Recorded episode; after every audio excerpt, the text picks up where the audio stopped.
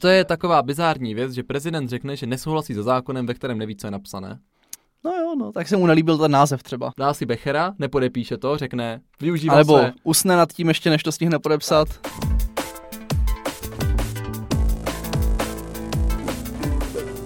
Ahoj, nazdar, čau. Ahoj všichni, vítejte u dalšího dílu podcastu Homo Politicus. Tentokrát s námi projedete zákonodárným procesem. Točí se to kolem nás teďka docela dost ohledně těch daňových změn, co prochází sněmovnou a senátem, eh, protože něco prezident odmítl podepsat, senát teďka schvaloval nějaké změny, co to jsou ty změny, jak to vlastně probíhá, takže jsme si řekli, že to můžeme spolu projít. A úplně na úvod bychom si teda měli říct, co to je vůbec zákon. Davide?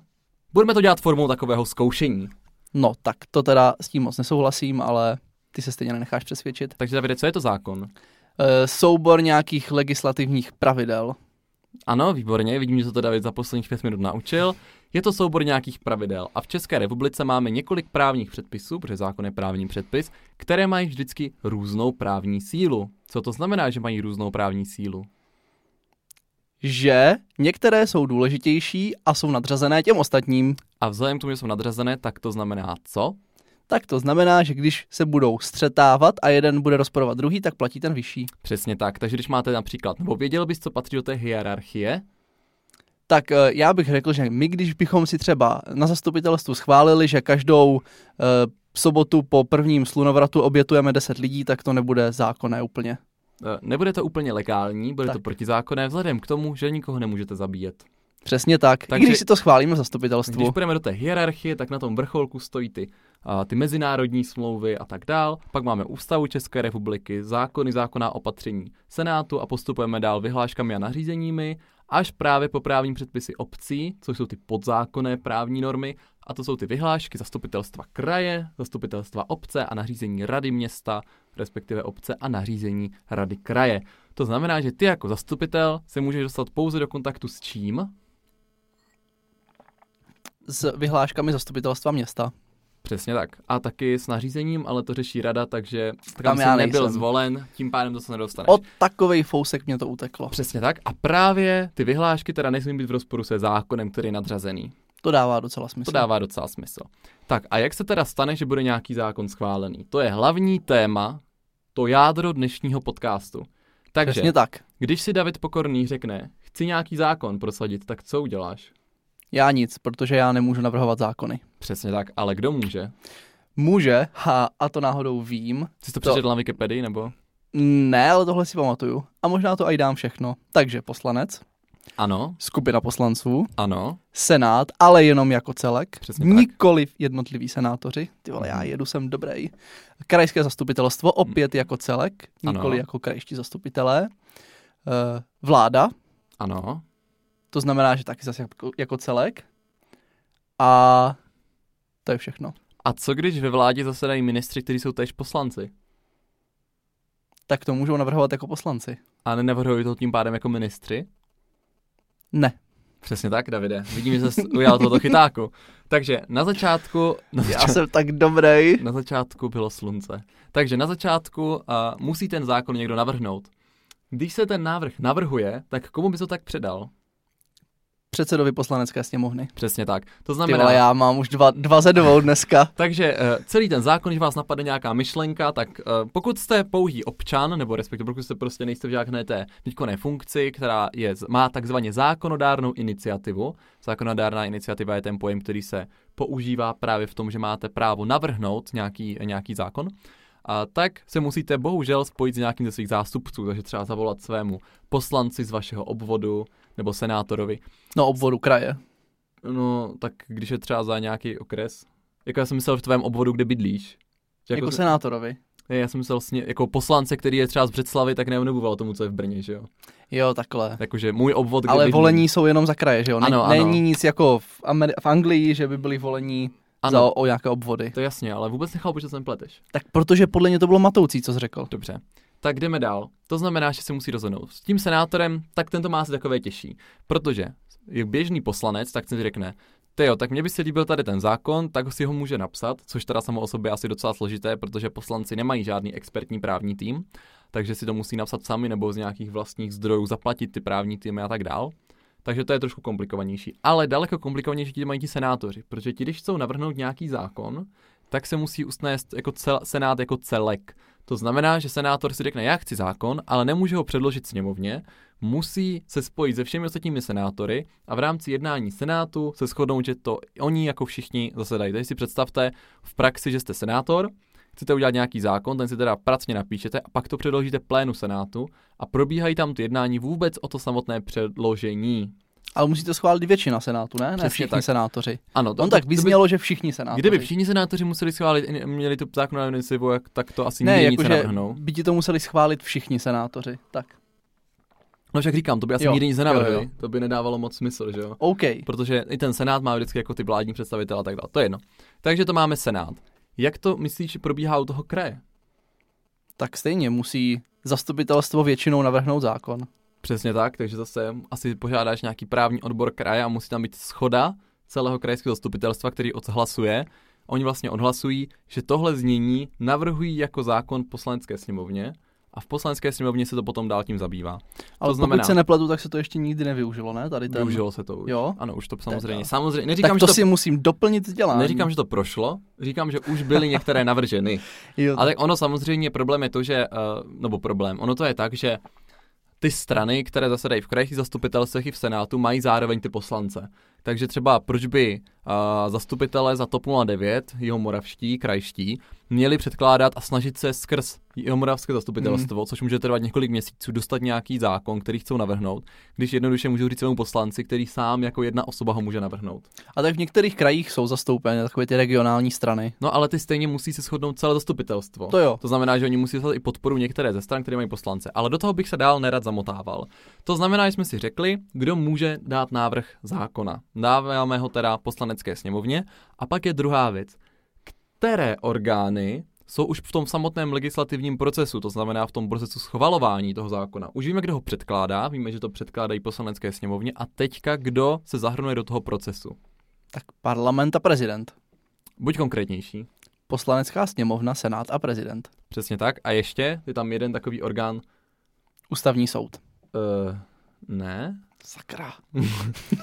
tak to nevím asi. Takový ten v čele stojí premiér. Vláda. Přesně tak. Tady je důležité říct, že 99% zákonů, které se vytváří, tak vždycky vytváří se skrz vládu. Protože samozřejmě ten, za prvé, má to několik důvodů, několik úrovní, proč tomu tak je. Za prvé, předseda vlády je čele vládnoucí strany, to znamená, že ve sněmovně má většinu. Čímž pádem on ví, že když něco navrhne, tak to prostě projde, protože mají z těch 200 poslanců třeba 101, to je jako nejnižší možný počet, že mají 101, a tím pádem mají jistotu, že ty zákony prostě budou procházet. Takže to je jeden z důvodů, proč to navrhuje nejčastěji vláda, nebo proč procházejí hlavně ty vládní. Druhá věc je, že vláda je zodpovědná za politiku země, a tím pádem řeší ty aktuální problémy, takže oni jsou ti, co to navrhují, ale samozřejmě to nejpodstatnější, mají celý ten aparát veřejné zprávy. Hmm. Ku příkladu mají legislativní radu vlády, která právě se vyjadřuje k zákonům, ale takhle podrobně bychom do toho asi zacházet nemuseli. To znamená, že z vlády jde nejvíce zákonů. Hmm. Jak tak si ono myslíš, jako napsat ten zákon není tak jednoduchý, že? no jak si myslíš, že to uh, probíhá na vládě? Jenom tak jako obecně, jak si to představuješ? Když je to vláda složená... Tak budou tam ti ge- gestční ministři, tak ti navrhnou každý z té své gestce nějakou změnu návrha, návrhu a pak o tom budou hlasovat, jestli to podpoří jako vláda. No, tak může to být právě tak, že třeba přijde minister zemědělství, který se domnívá, že v jeho rezortu je potřeba něco udělat. A přijde To jsem s, právě myslel. Tak, přijde na vládu, přidá ten návrh toho konceptu, že vlastně chce tady v této oblasti něco dělat a vláda se usnese, že teda Uh, že se usnese, že se to teda má vytvořit a pak se tím někdo ukoluje. Takže takhle asi jako zjednodušení bych to řekl. Samozřejmě existuje i takzvaný jako jo, uh, ten plán, kdy oni mají naplánováno, jaké zákony se mají přijímat. To znamená, že oni i z dlouhodobého hlediska si už udělají takový harmonogram toho, v jakém, Pětiletka se tomu říká, v jakém, období, v jakém období by měly být přijaté jaké zákony. Samozřejmě pak některé jsou jako aktuální k nějakým situacím, jako teď s covidem a tak dále. To znamená, že máme teda vládu, která nejčastěji dá nějaký zákon. Tam na svém zasedání schválí ten návrh a pak to pošle zase do poslanecké sněmovny. Prvně bychom se na to mohli podívat úplně obecně na poslaneckou sněmovnu Senát a prezidenta a potom bychom to mohli trošku ještě pootevřít. Tak jak si myslíš, že to probíhá ve sněmovně obecně? Obecně. Tak eh, sněmovna většinou přítomných schválí nebo neschválí zákon. Tak, jde o to, že teda sněmovna obdrží, obdrží ten návrh zákona, to jsme říkali, kdo má tu zákonodárnou iniciativu, a teďka to mají a probíhají tam, tomu se říká čtení, první, druhé, třetí, to jsou vlastně fáze přijímání toho zákona v rámci poslanecké sněmovny. K tomu se možná dostaneme později. To znamená, Do toho že jsem právě nechtěl zabředávat. Nechtěl zabředávat. To znamená, že sněmovna obdržela ten návrh, pak vlastním procesem ho poupravila, buď ho neschválí, nebo ho schválí, nebo ho jako nějak různě upraví. A potom, když ho schválí, jaká je, jaké je minimum toho, kdo ho musí schválit? Hm? Minimum, kdo ho musí schválit? No já vím, že nadpoloviční většina přítomných, nevím, jestli to má minimum. 21? No předpok- číslo. když je to nadpoloviční většina přítomných, tak k tomu se váží otázka, kolik musí být přítomných, aby byli usnášení schopní. Nevím. Já se domnívám, že to je jedna třetina. To by tak mohlo být. Takže... A z jedné třetiny to musí být nadpoloviční, takže to je? Lehce nad jednu šestinu. Takže jsem myslel, že to řekneš jako v celém čísle. Jakože 200 děleno třema, děleno dvěma plus jedna. no. A kolik to je? Tak máš 200 děleno, pardon, 200, eh, tak to by bylo Já 34 myslím, že to je... lidí, ne? Nevím. Prostě 200 si viděl třema, ty jsi tady matematik. Šesti. Proč šesti? Teď potřebuješ to nadpoloviční většinu, takže 200 potřebuješ... děleno třema, počítej. Tak 66,666. Tak a teďka půlka z toho je? To je těch 33,333, co Plus jsem jeden? říkal. Tak ne plus jeden, zaokrouhleně, tak to je těch 34. No tak já tomu dávám plus jeden, abych se v tom vyznal. Takže příští díl bude o matematice a základních zlomcích, jak to tak vidím, Mary. Tak, když prostě... Aspoň, aspoň budu zaspovídat víc já. Takže prostě když teda se v tomto čísle celá 444, jak tvrdí David, shodnou, že přijímají, přijímají zákon, tak ten zákon zase někam postoupí. To znamená, oni ho schválila sněmovna a teďka to jde dál. A dostáváme se právě do té aktuální aktuální krize daňového balíčku. Kam ho postoupíme? No už není aktuální, Senát už. Toto je jedno, kam to postoupíme? No Senátu. Postoupíme do Senátu. A co s tím Senát může dělat, když dostane ten návrh zákona poslanecké sněmovny? Buď ho může nechat tak, jak je, šoupne ho prezidentovi k podpisu. Jakým způsobem? Takže buď to si schválí, že je to OK, nebo se k tomu vůbec nevyjádří. A to je právě zajímavé to, že Senát má na rozdíl od sněmovny, kde samozřejmě to projednání jednoho zákona může trvat minimálně je to nějaký tři čtvrtě rok, kdy se to dá stihnout, může to být i klidně i dva roky, některé zákony tam klidně můžou ležet 10 let, ale Senát má pouhých 30 dní. Má pouhých 30 dní. Pokud se Senát neusnese jako celek o tom zákonu, a to buď má tři varianty, buď ho přijme v té podobě, ve které přišel ze sněmovny, takže se usnese, že to je perfektní zákon, my ho podporujeme, nebo ho zamítne, takže se řeknou, tohle vůbec nechceme řešit, nebo ho upraví. Když ho zamítne, tak se vrací sněmovně v té její původní verzi. Když ho, když ho upraví, tak se vrátí sněmovně s těmi pozměňovacími návrhy i Senátu. Ale pak je tady ještě čtvrtá skrytá varianta a to je, že Senát řekne, že se tím vůbec nechce zabývat. Tak to vyjde nakonec na stejno, jak kdyby to schválil. Jak kdyby to schválil. Prostě když se tím nezabývá, tak to znamená, že do 30 dnů se to šoupne prezidentovi. Nebo Přesně tak. Jasně. Ale taky se může stát, že to třeba nestihnou.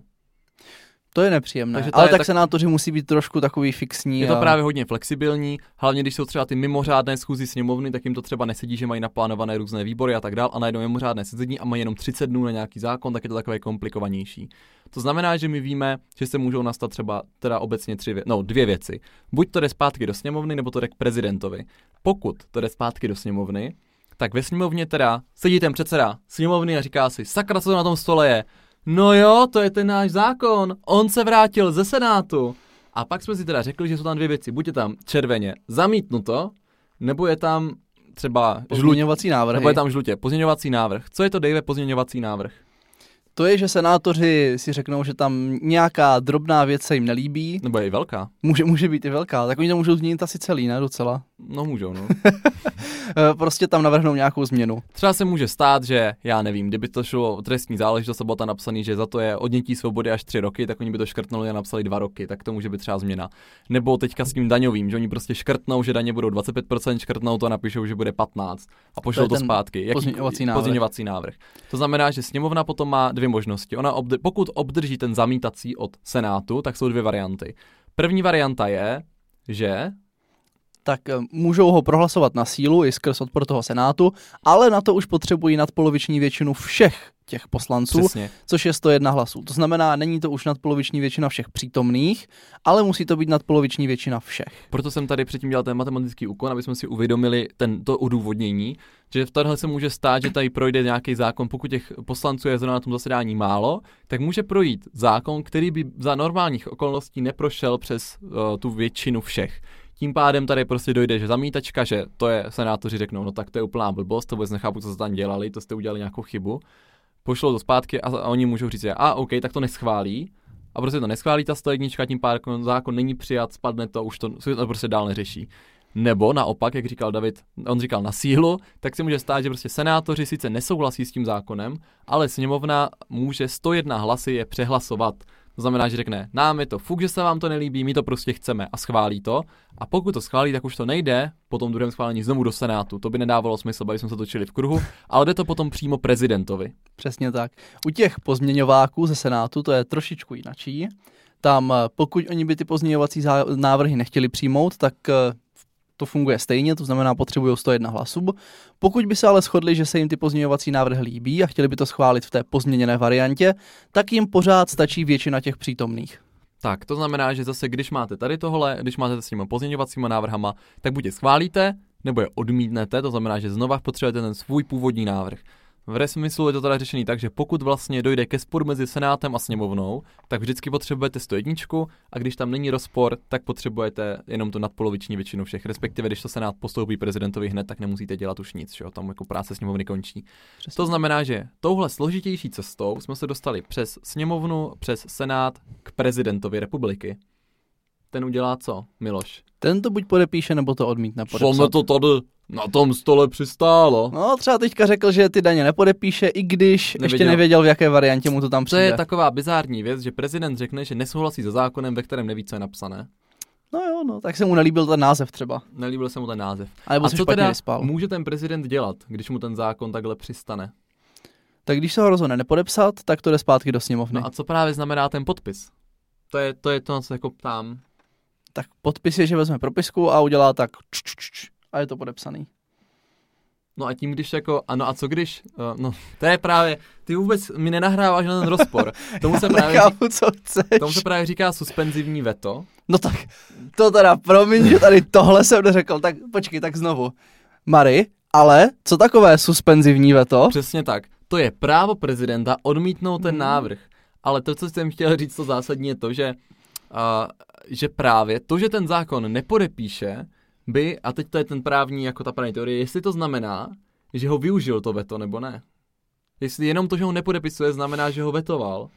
Aha. Takže protože jsou třeba... Takže má tři možnosti. Podepsat, no, nepodepsat, vetovat, jo? Tak to je právě jako otázka. To je právě otázka i do pléna. Je to spíš taková jako ústavně právní teorie, jak moc je to důležité. Stejně tak jako jestli třeba má povinnost prezident... No to, to je jedno. Uh, takže prostě... Tak nemusíme uspat i zbytek těch posluchačů. Věřím, že polovina už teďka jako chrápe, Já ale... chtěl ti... do té teorie, ale dobře, tak jo. Uh, tak... jako co vydrželi, tak suspenzivní veto už je rozhodně dorazilo a tady ústavně právní definice věřím, jako, že za chvilku uspí i mě, takže Dobře, pak to můžeš tak zakončit. Prostě prezident, prezident dostal uh, na stůl zákon a řekl si, Ježíš, ten je super. A podepíše ho, pak ho podepíše ještě kdo? Když ho podepíše předseda sněm, parlamentu. Poslanecké sněmovny. Kdo je to předseda parlamentu? Předseda poslanecké sněmovny. Tak a? A? Předseda vlády. Přesně tak. Takže Vole, tři... dobrý. A proč ne předseda senátu? Ten není potřeba. A proč?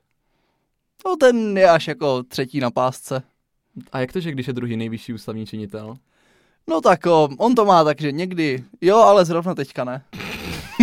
Dobře, tak to asi vynecháme. Tady tu, tady tu zkratku vidím, že v tom trochu tápeš. Takže prezident to podepíše, zákon teda se zapíše do sbírky zákonů, no respektive k tomu se ještě dostaneme, nebo vyhlásí tak ve sbírce zákonů. Ale teďka teda, když si řekne, no tak s tím nesouhlasím, dá si Bechera, nepodepíše to, řekne, využívám Alebo své... usne nad tím ještě, než to stihne podepsat. Tak, řekne, využívám svého suspenzivního veta. Přesně tak, tím pádem vetuje zákon, právo veta, kam teda ten zákon pak jde, když ho prezident vetuje a řekne nechci? Zase to jde zpátky do poslanecké sněmovny. A poslanecká sněmovna s tím dělá? Musí zase najít jedničku. A může prezident navrhnout změny jako senát? Ne. Přesně tak. Prezident prostě jenom řekne, že nechce ten zákon jako takový a sněmovna se pak musí rozhodnout, že buď zase 101 ho schválí a zákon bude přijat, nebo ho prostě nepřijme. Ale tady je důležité si říct, že potom už zase to v Senátu už se to vůbec netýká. Jakmile vlastně to ze Senátu odejde, v jakékoliv podobě, jestli to schválí, neschválí, přímo, nepřímo, tak už se k tomu nikdy k Senátu nedostane. Na rozdíl od té sněmovny, kde se to vždycky vrací jako bumerang, je to sněmovna, Senát, sněmovna. Mm. Prezident, Senát, a uh, prezident sněmovna. sněmovna. Tak. To znamená, že pokud v té poslanecké sněmovně máte 101, tak i na truc prezidentovi, i na truc senátu si můžete prohlasovat, co No, chcete. ale pak je samozřejmě ta politická otázka, kdy vy chcete mít dobré vztahy s prezidentem, protože on má jisté pravomoci, které chcete v rámci své vlády využívat. Proto, když prezident nesouhlasí s nějakým zákonem, je dobré, a je dobré se s ním minimálně promluvit, jestli by si to nerozmyslel. A teďka třeba, Davide, jestli víš o nějakém zákonu, který v trošku jiné podobě se už několik let stále omývá dokona, dokola, který právě prezident nepodepsal, vetoval ho, ale sněmovna jej potom přijala. Jako historicky? No, takový jako podstatný, který se omývá stále dokola, se taková jeho tak jako... třeba registrované partnerství nebo myslel, podepsané. že právě jako, že dneska no, se omývá, tak... že má být to manželství pro všechny, ale už to registrované partnerství, a to byl velký zásah, protože prezident ho vetoval. To tam byl je, tehdy ještě Klaus, tam, starý. Starý. Tam je totiž důležité si říct, že já si myslím, že ten zákon o registrovaném partnerství totiž neprošel 101, ale prošel díky tomu, že v poslanecké sněmovně bylo méně poslanců. Takže tam nebylo jisté, jestli té 101 dosáhne po tom vetu prezidenta. Ale potom to byly velké, si myslím, lobby, lobbying skupiny a povedlo se to, že se prezident, prezident uh, podepsal. Mimochodem o tomhle bychom taky mohli udělat někde nějaký podcast. No. no, možná bychom na to mohli ještě ukázat jednu věc. Jak jsme si říkali, že Senát má 30 dní na to se vyjádřit k těm zákonům, zatímco ta poslanecká sněmovna ne, tak eh, jak se teďka řeší to manželství pro všechny a to už se řeší dlouho, tak eh, vždycky jenom jednou za čas slyšíme, že se o tom poslanci nějak bavili a něco se řešilo. Takže na to můžeme krásně vidět, že teda té sněmovny se těch 30 dní určitě netýká. Tak a potom teda, my už máme ten zákon, v ideální variantě, to je právě to, proč jsem říkal, že to někdy trvá dlouho, někdy krátce. Protože za prvé, uh, sněmovna na to má v podstatě neomezený čas. Ona má nějaké zákonné jako stanovi, nebo v rámci jednacího řádu poslanecké sněmovny jsou jako fáze, to je to první, druhé, třetí čtení. Vzhledem k časovému dnešnímu času, jak je můj podcast, už bych se tím dál nezabýval, ale ona má prostě nějaký vnitřní předpis. Proto to trvá velmi dlouho. Tak možná třeba jenom bychom mohli říct potom, základní rozdíl. Ne, potom je, ne, potom je důležité říct to, že tam to právě časově hrozně nabobtnává, když vám to Senát vrací. Pak to může znovu nabobtnat, když prezident to vetuje. Takže to má taky velký vliv na vlastně na délku toho legislativního procesu. Nicméně je to asi důležité, protože to je jakási jako ochrana.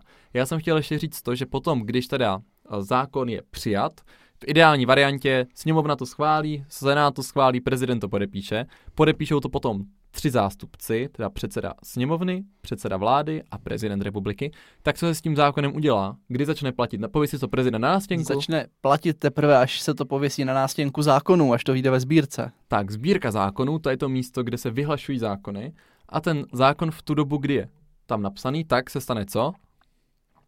Je tam napsaná i nějaká účinnost, od kdy platí. Tak, teď jsi to řekl přesně špatně. Sakra. Účinnost od kdy platí, tak asi by bylo dobré říct účinnost od kdy je účinný, protože platnost je to od kdy platí. Takže co to znamená? Protože eh, Oni řeknou, máme nějaký zákon, schválí ho třeba 20. února a to znamená, že my už 21. února se tím musíme jako řídit. Ne, to tam bude napsané, od kdy se to tím musíme Právě. řídit. Je tam ta platnost, ta platnost je to, že ten zákon už je platný. To znamená, že má za sebou ten legislativní proces, že je platně schválený a my jako víme, že bude závazný někdy v budoucnu. Ale potom... No počkej, tak to jsem říkal, že je tam napsaná účinnost. Od no. kdy bude účinný a ty jsi mě opravil, že ne, to tak není. Od kdy bude, že tam je napsaná účinnost, od kdy bude platný, víš? No, Podíváme ale myslel jsem to, myslel jsem to dobře, takže tak. prosím tě zase tady úplně mystifikuješ. Takže myslel jsi to sice dobře, ale řekl jsi to špatně. Takže tam je platnost, od kdy ten zákon je platný, to znamená, že víme, že už je schválen a někdy v budoucnu bude i účinný. A pak je tam napsaný datum účinnosti, takže účinný ode dne. A ta účinnost je právě ta doba, kdy se tím bude platit. Davide, proč si myslíš, že tam je ta doba mezi platností a účinností? Tak protože ne všichni by si mohli třeba všimnout, že se nějaký zákon změnil a nestihli by se podle toho řídit. A taky se taky může stát ještě jedna zajímavá věc. Uh, jaká? Může se stát v této době, že se zjistí, že ten zákon nejde použít. To je no, jako tak taková věc, že se třeba stane, se ani že ten zákon vlastně dojde takhle do praxe a ty lidi pak ale přijdou s něčím, že no jo, ale vy po nás chcete tady ABC, ale to nejde, protože to my nemůžeme udělat. Hmm. To se může stát. Takže tam je prostě tady ta lhůta v podstatě na uh, to, kdy se ti lidi mají s tím seznámit, s tím zákonem. Samozřejmě, čím delší ta lhůta je, tím je to pozitivnější, protože se na to lidi můžou připravit. Tak já nevím, jestli bychom už to uzavřeli, jenom bych možná ještě řekl, když už jsme takhle pěkně obhájili ten senát, že tady má tu důležitost v tom zákonodárném procesu, tak bych jenom velmi zkratkovitě řekl, že jsou ještě ty ústavní zákony. Jo, to jsem chtěl ještě říct, no. Které stojí nad ústavou, uh, které stojí nad běžnými zákony, pardon. To znamená, že běžný zákon, jak třeba vyhláška obce nemůže být v rozporu se zákonem, tak běžný, takzvaně obyčejný zákon nemůže být v rozporu s ústavou České republiky. A ústavní zákony se přijímají jinak, ty mají přísnější pravidla. A Přesně tak. Ty jsi řekl ústavní zákony, což je krásný pojem, protože většina lidí si myslí, eh, že ústavní zákon je ústava České republiky. To ale není pravda, protože my máme v České republice takzvaně ústavní pořádek. A ten tvoří přece ústavní zákony, ústavní ústava. České republiky, ano. A listina základních práv a svobod. Ano, a pak jsou to zase takové různé zákony, jako o rozdělení hranic Československem a tady ty věci ale ty už nejsou tak podstatné pro dnešní dny. Ta ústava listě a, a tak, tam jsou různé třeba volební zákony, můžou být, tam potom můžou být nějaké ústavní třeba. No, to znamená, že máme nějaké ústavní zákony, a ty se teda schvalují jiným způsobem. A tady je právě ta důležitost toho Senátu vidět nejvíc. To je ta pojistka demokracie, kterou jste už určitě slyšeli. Vždycky, když jsou senátní volby, tak všichni ti senátoři říkají, já kandiduji, protože chci hájit demokracii a Senát, to je pojistka demokracie. Klasika. A vy si můžete být jistí, že já budu ten, jehož pro nějž bude Česká republika na prvním místě. No takže v čem je rozdíl u těch ústavních zákonů? Za prvé i ta poslanecká sněmovna musí najít podstatně větší podporu. Jakou? Tří pětinovou. Je to hmm. tak. Je to 120? Teď říkám, že tří pětinovou. No a já jsem chtěl říct, že to je 120. Jako, aby, jsme, aby jsme udělali ten rozdíl, že běžný zákon, když musíte dojít i k tomu přehlasovávání, tak máte 101. U ústavního zákonu vás musí být 120. Což znamená, že, nebo takhle, většina vlád České republiky, ta koalice, jak se složený z těch stran, tak nemývají 120. To znamená, že nemají, nemají dost hlasů na to, aby sami ty strany, které vládnou, ovládli nebo změnili ten ústavní, ústavní zákon. Druhá věc je, a ta je jako daleko podstatnější, že na ústavním zákonu se musí shodnout i se Senátem. Přesně tak. To, to znamená, že aby eh, někdo, kdo je předseda vlády, ovládl tady republiku a prostě se stal nějakým věčným, aby třeba změnil zák- uh, ústavu a řekl, že uh, naše strana bude vládnout navždy a napsal to do ústavy, tak by musel mít dvoutřetinovou většinu sněmovně i v Senátu což je takřka nemožné vzhledem tomu, že do Senátu se ob dva roky dovoluje a tak dál. To znamená, že jako ta pojistka demokracie v tomhle smyslu přijímání ústavních zákonů je velmi podstatná. Přesně tak, takže Andrej Babiš si jen tak nemůže měnit, jak by se mu hodil třeba počet senátorů, počet poslanců a tak. Musel by mu to schválit i Senát, kde on nemá skoro nikoho. Hmm. Takže to je velká výhoda, přestože u těch obyčejných zákonů ten Senát se dále chce přehlasovat, pokud máte 101, což ta vládní většina má vždycky, nebo skoro vždycky.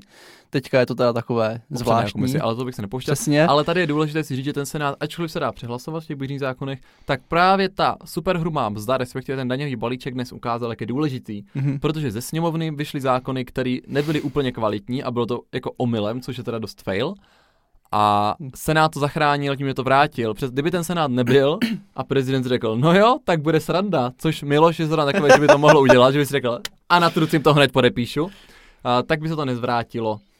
Přesně tak. No takže... A taky je tam druhá věc, že prezident nemůže dávat ty pozměňovací návrhy, takže nebýt Senátu, tak sice prezident to zavrhne, ale to by znamenalo, že neprojde vůbec žádný daňový balíček, protože mm-hmm. by to nestihlo do příštího roku. Takže oni to tímhle jako tak. zachránili.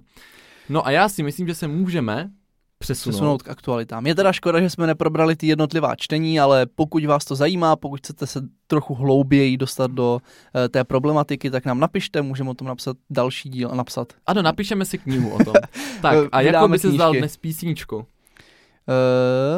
nevím, jakou. Něco s vlakama. Je, uh, Já mám rád vlaky. Tak jo, tak dáme si uh, mašinku Tomáše. Ne, nebo Teď.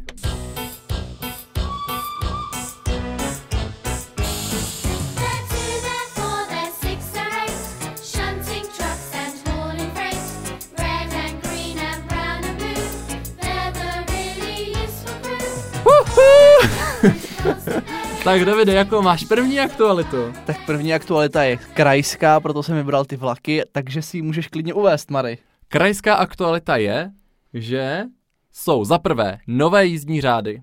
Přesně To tak. obyvatelé obce Ladná nejsou úplně rádi. Protože rádi. se zrušil uh, osobák z Brna do Břeclavy. Tak, my, vy, co jste byli zvyklí z ve tři ráno z poslední párty, což dneska úplně není možné, jezdit vlakem osobním, protože nic jiného nejelo, žádný rychlík a jeli jste osobáčkem, tak už nepojedete. A to z toho důvodu, že nově je elektro...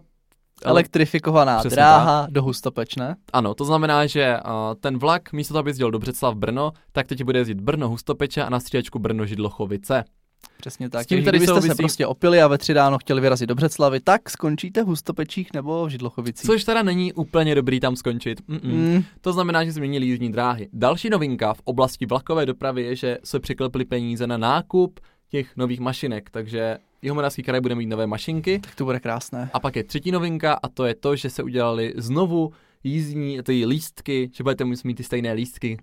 Bude se jednotná jízdenka pro všechny spoje, které jsou z, objednávané krajem. To znamená, že regiojety normálně, co jezdí Praha Vídeň, Praha Bratislava, těch se to netýká, to si samozřejmě neobjednává Jihomoravský kraj, ale všechny takové ty lokálky, couráky, tak tam už zase budeme moct používat jednotné jízdenky. To jsme rádi, když nám to loni tak slavnosti zrušili, že nám to letos Zase ještě s to větší vervou jako vrací. Tak a pojďme se dostat k městským aktualitám, protože já samozřejmě vím, že vy jste v Brně měli zasedání zastupitelstva města Brna, Měli, měli. kterého se zúčastnil, protože jsem viděl selfie na tvém Facebooku mimo jiné. Já vím, taky jsi mě donutil ho udělat. Ano, a tak by mě zajímalo, co zásadního, jako třeba rozpočet, jste přijali. No tak nejzásadnější samozřejmě bylo, že jsme přijali rozpočet města a snížili jsme si obměny, abychom šetřili. Tak, to snižování odměny tolik nezajímá, to je tvoje věc, ale ten rozpočet je zásadní, protože jsme o něm mluvili tak dva díly zpět, takže kdo byste chtěli vědět, jakým způsobem se rozpočet města Brna sestavuje, tak si ten díl puste. Ale co dalšího jste schválili mimo tady to? My jsme schválili věcí, eh, třeba jsme schválili kompenzace pro dopravní podnik, protože to možná nevíte, eh, kompenzace dopravnímu podniku jsou asi největší výdaj, co v zastupitelstvu máme, nebo v tom rozpočtu Podle mě máme. jako nikdo neví, co znamená kompenzace dopravního podniku. Tak já to právě vysvětlím. tak pojď do toho. Jsou to 2 miliardy, pokud se nepletu, což je hodně z toho 17-16 miliardového rozpočtu. A to je to, nebo ty kompenzace jsou kompenzace, protože lístky, za které jezdíme v Brně, tak nejsou úplně tržní. Normálně by ta cena byla podstatně vyšší, ale my si říkáme, že není úplně od věci eh, tady tohle to podpořit, aby lidi městskou hromadnou dopravou jezdili, takže dopravnímu podniku kompenzujeme, aby nemusel zdražovat lístky. Tak, to je krásná zpráva a já jsem narážel na ty školy. Školy, to se mně taky líbilo. Eh, Schválili jsme dotace na modemy a datové balíčky, pořád si to pamatuju, abychom usnadnili některým základním školám mm, od distanční výuku, protože to nevypadá, že bychom se úplně chýlili k konci, takže, takže tak. Takže výborně děkujeme za čerstvé novinky. Samozřejmě novinky z oblasti politiky můžete sledovat u Davida na profilu, na mě na facebookovém profilu všude. A náš podcast najdete na Instagramu, Spotify, Apple Podcast, YouTube. Už jsme dokonce nahráli všechny videa na YouTube, které jsme měli předtím mít. A tak nás sledujte, pište komentáře, sdílejte, napište nám recenze, jak se vám podcast líbil, klidně napište, jaké byste si přidali, přihledali téma na příště. A uvidíme se zase příští týden v pondělí. Ahoj! Přesně tak, mějte se fanfárově.